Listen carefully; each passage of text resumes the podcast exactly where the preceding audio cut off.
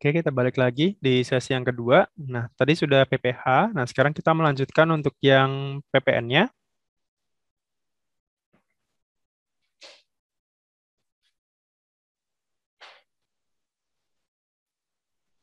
Nah, untuk yang PPN ini ada beberapa ringkasannya. Yang pertama itu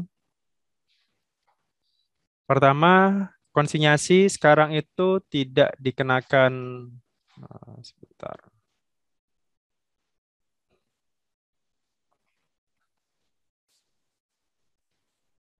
Konsinyasi, konsinyasi itu bukan penyerahan BKP. Konsinyasi itu artinya menitipkan barang ya. Jadi misalkan saya punya barang untuk dijual, nah barang itu saya titipkan ke orang yang biasa menjual barang misalkan.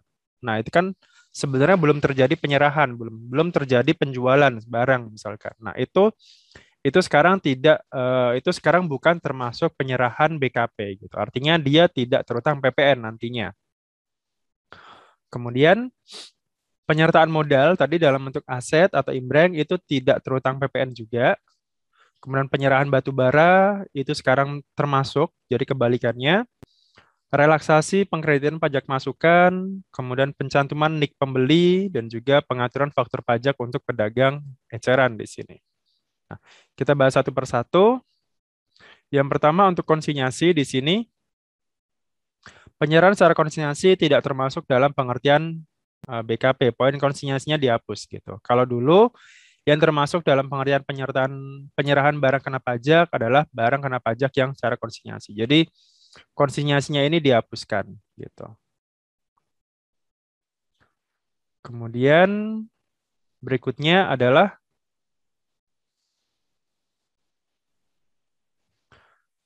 Yang tidak termasuk dalam pengertian penyerahan barang kena pajak adalah eh, apa?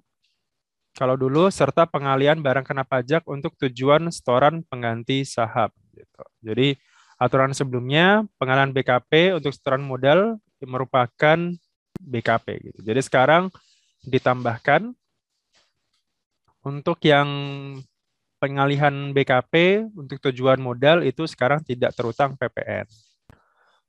nah, sekarang kebalikannya yang sekarang terutang PPN adalah penyerahan batu bara. Kalau dulu jenis barang yang tidak dikenakan PPN adalah barang tertentu dalam kelompok hasil pertambangan gitu.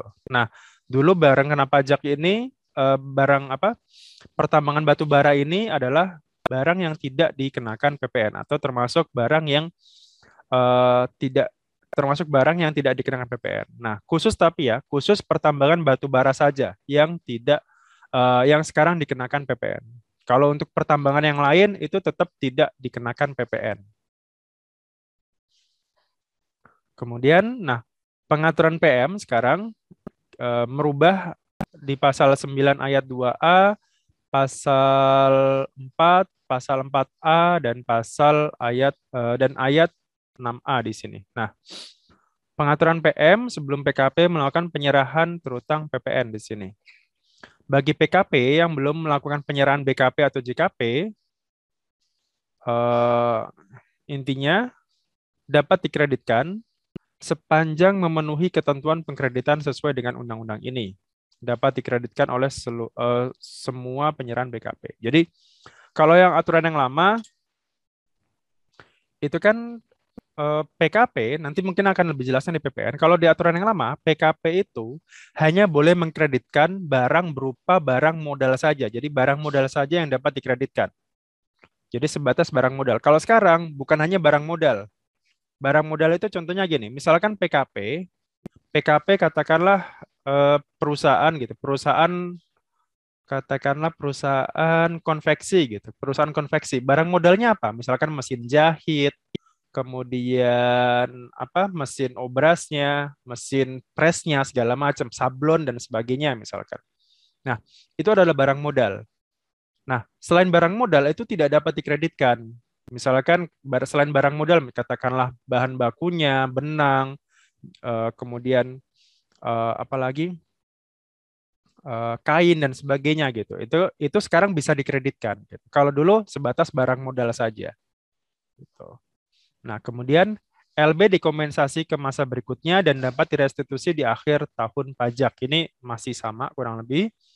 Kemudian bila tiga tahun pertama sejak mengkreditkan belum ada penyerahan BKP, PPN-nya tidak dapat dikreditkan. Ini juga kurang lebih masih sama. Gitu. Jadi kalau perusahaan misalkan baru berdiri, itu bisa uh, bisa mengkreditkan sampai dengan tiga tahun, gitu. Sampai dengan tiga tahun. Lebih dari tiga tahun, uh, apa itu apa lebih dari tiga tahun tadi belum ada penyerahan barang juga, maka itu dianggap uh, gagal produksi, gitu. Dianggap ini perusahaan uh, apa gagal gagal gagal apa gagal gagal membuat barang misalkan. Nah atas PPN yang sudah dikreditkan tadi itu harus uh, dikembalikan seperti itu. Uh, eh, PPN menjadi tidak dapat dikreditkan atau dibatalkan nanti. Jadi PM-nya itu harus ditarik kembali gitu. Jadi ada uh, tiga poin di sini. Nah kemudian ini sekarang adalah pajak masukan atas perolehan BKP. Jadi kalau dari kata ini, ini sebenarnya standar aja ya, jadi nggak perlu saya baca. Jadi intinya PKP lah gitu. Perolehan PKP di sini. Sebelum pengukuhan, sebelum pengusaha tersebut dikukuhkan jadi PKP, itu tetap dapat dikreditkan dengan menggunakan pedoman 80% dari pajak keluaran yang harusnya dipungut. Kalau dulu tidak dapat dikreditkan gitu. Jadi Misalkan gini, kan PKP harusnya dia PKP misalkan harusnya dia sudah PKP itu di bulan Juli misalkan. Ternyata dia baru PKP itu di bulan Oktober ini gitu. Nah, di aturan yang lama dari Juli ke Oktober gitu, ketika dia punya PM, dia punya pajak masukan itu tidak dapat dikreditkan. Gitu. Itu tidak dapat dikreditkan. Tapi DJP bisa menagih PPN-nya mundur. Jadi DJP bisa menagih berlaku mundur. Berapa PPN yang harusnya disetor dari bulan Juli itu bisa ditagih tanpa adanya PM. Nah, dengan aturan sekarang, misalkan ini PPN-nya katakanlah 100. Kalau aturan yang lama, dia tetap harus bayar full sebesar 100 juta gitu. Dengan aturan yang baru di sini pajak masukannya itu bisa dikreditkan sebesar 80% dari pajak keluaran yang seharusnya dipungut. Jadi, awalnya dia harus bayar 100%, dia harus bayar 100 juta. Sekarang dia cukup 100 dikurangi 80. Dia cukup bayar yang 20 juta saja. Gitu. Jadi 80 persennya ini. Gitu. Jadi lumayan lumayan lumayan banyak gitu. Jadi sebelum pengusaha dikukuhkan jadi PKP gitu. Kata kuncinya di situ sebelum dikukuhkan jadi PKP. Kalau sudah jadi PKP ya sudah 80% ini nggak berlaku. Dia tetap harus pakai yang mekanisme umum gitu.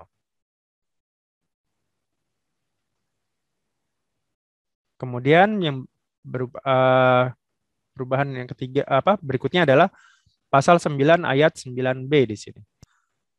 PM uh, eh, atas perolehan PPN yang tidak dilaporkan dalam SPT masa PPN yang diberitakan dan atau ditemukan pada waktu pemeriksaan dapat dikreditkan. Gitu. Jadi kalau dulu ketika pajak masukan itu sudah diperiksa, PKP itu sudah diperiksa, itu tidak dapat dikreditkan. Gitu. Tapi sekarang masih bisa dikreditkan walaupun sudah dilakukan pemeriksaan. Tapi di sini dapat ya, jadi, jadi tidak semuanya bisa sesuai dengan bukti faktur yang dimiliki saja gitu. Jadi harus harus uh, tidak semuanya tapi dapat gitu. Itu, tapi itu lebih mending daripada kalau dulu ketika sudah diperiksa di sini saat dilakukan pemeriksaan itu tidak dapat lagi dilakukan pengkreditan gitu. Jadi sudah selesai gitu. PM-nya tidak bisa dikreditkan.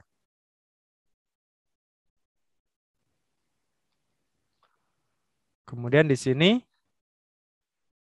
pajak masukan yang ditagih dengan penerbitan ketetapan pajak dapat dikreditkan oleh PKP sebesar jumlah pokok pajak PPN-nya.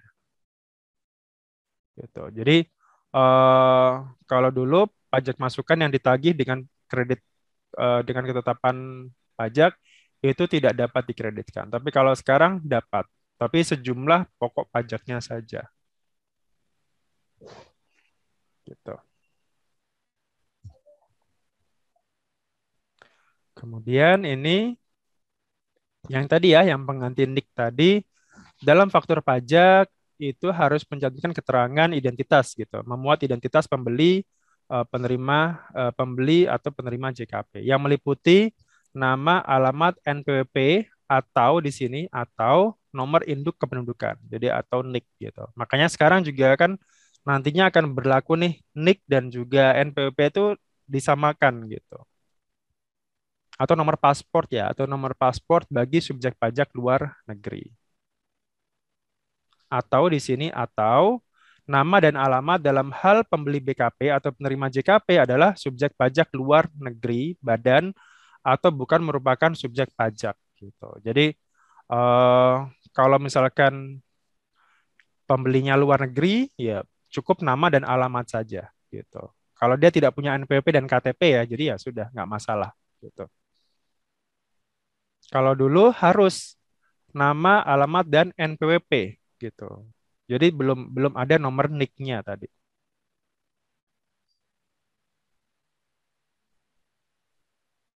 Kemudian berikutnya adalah pengusaha PKP, pedagang eceran. Pedagang eceran itu tadi ya, contohnya ada minimarket, uh, Alfamart, Indomart, Hypermart, itu adalah pedagang eceran semua gitu. Yang yang posisinya adalah dia menjual barang langsung ke konsumen gitu dapat membuat faktur pajak tanpa mencantumkan keterangan mengenai identitas pembeli. Uh, intinya kayak struk belanja. Jadi kalau misalkan kita belanja di Alfamart gitu kan, biasanya kalau ada belanjaan, jadi kan sudah ada tulisannya ya di situ pajak sudah termasuk uh, apa sudah termasuk PPN 10% misalkan. Ada NPWP-nya, ada PPN-nya seperti itu. Nah, gitu itu termasuk faktur pajaknya. Jadi dianggap sama dengan faktur pajak kalau sekarang gitu. Kalau dulu tidak ada aturan itu gitu. Jadi ini sama ya. Jadi ini untuk lebih jelas aja, memperjelas aja posisi pedagang eceran boleh membuat faktur pajak tanpa mencantumkan keterangan identitas pembeli gitu. Kan kalau kita beli di Alfamart gitu kan nggak mungkin ditanyakan berapa nomor NPWP-nya, berapa NIK-nya misalkan gitu nggak perlu gitu. Jadi ya udah cukup diinput aja barang-barangnya plus PPN seperti itu. Itu langsung. nah, itu adalah poin-poin yang ada di KUP ya, eh, sorry, yang ada di eh, PPN. Gitu. Silakan yang ada yang mau ditanyakan terkait PPN, silakan.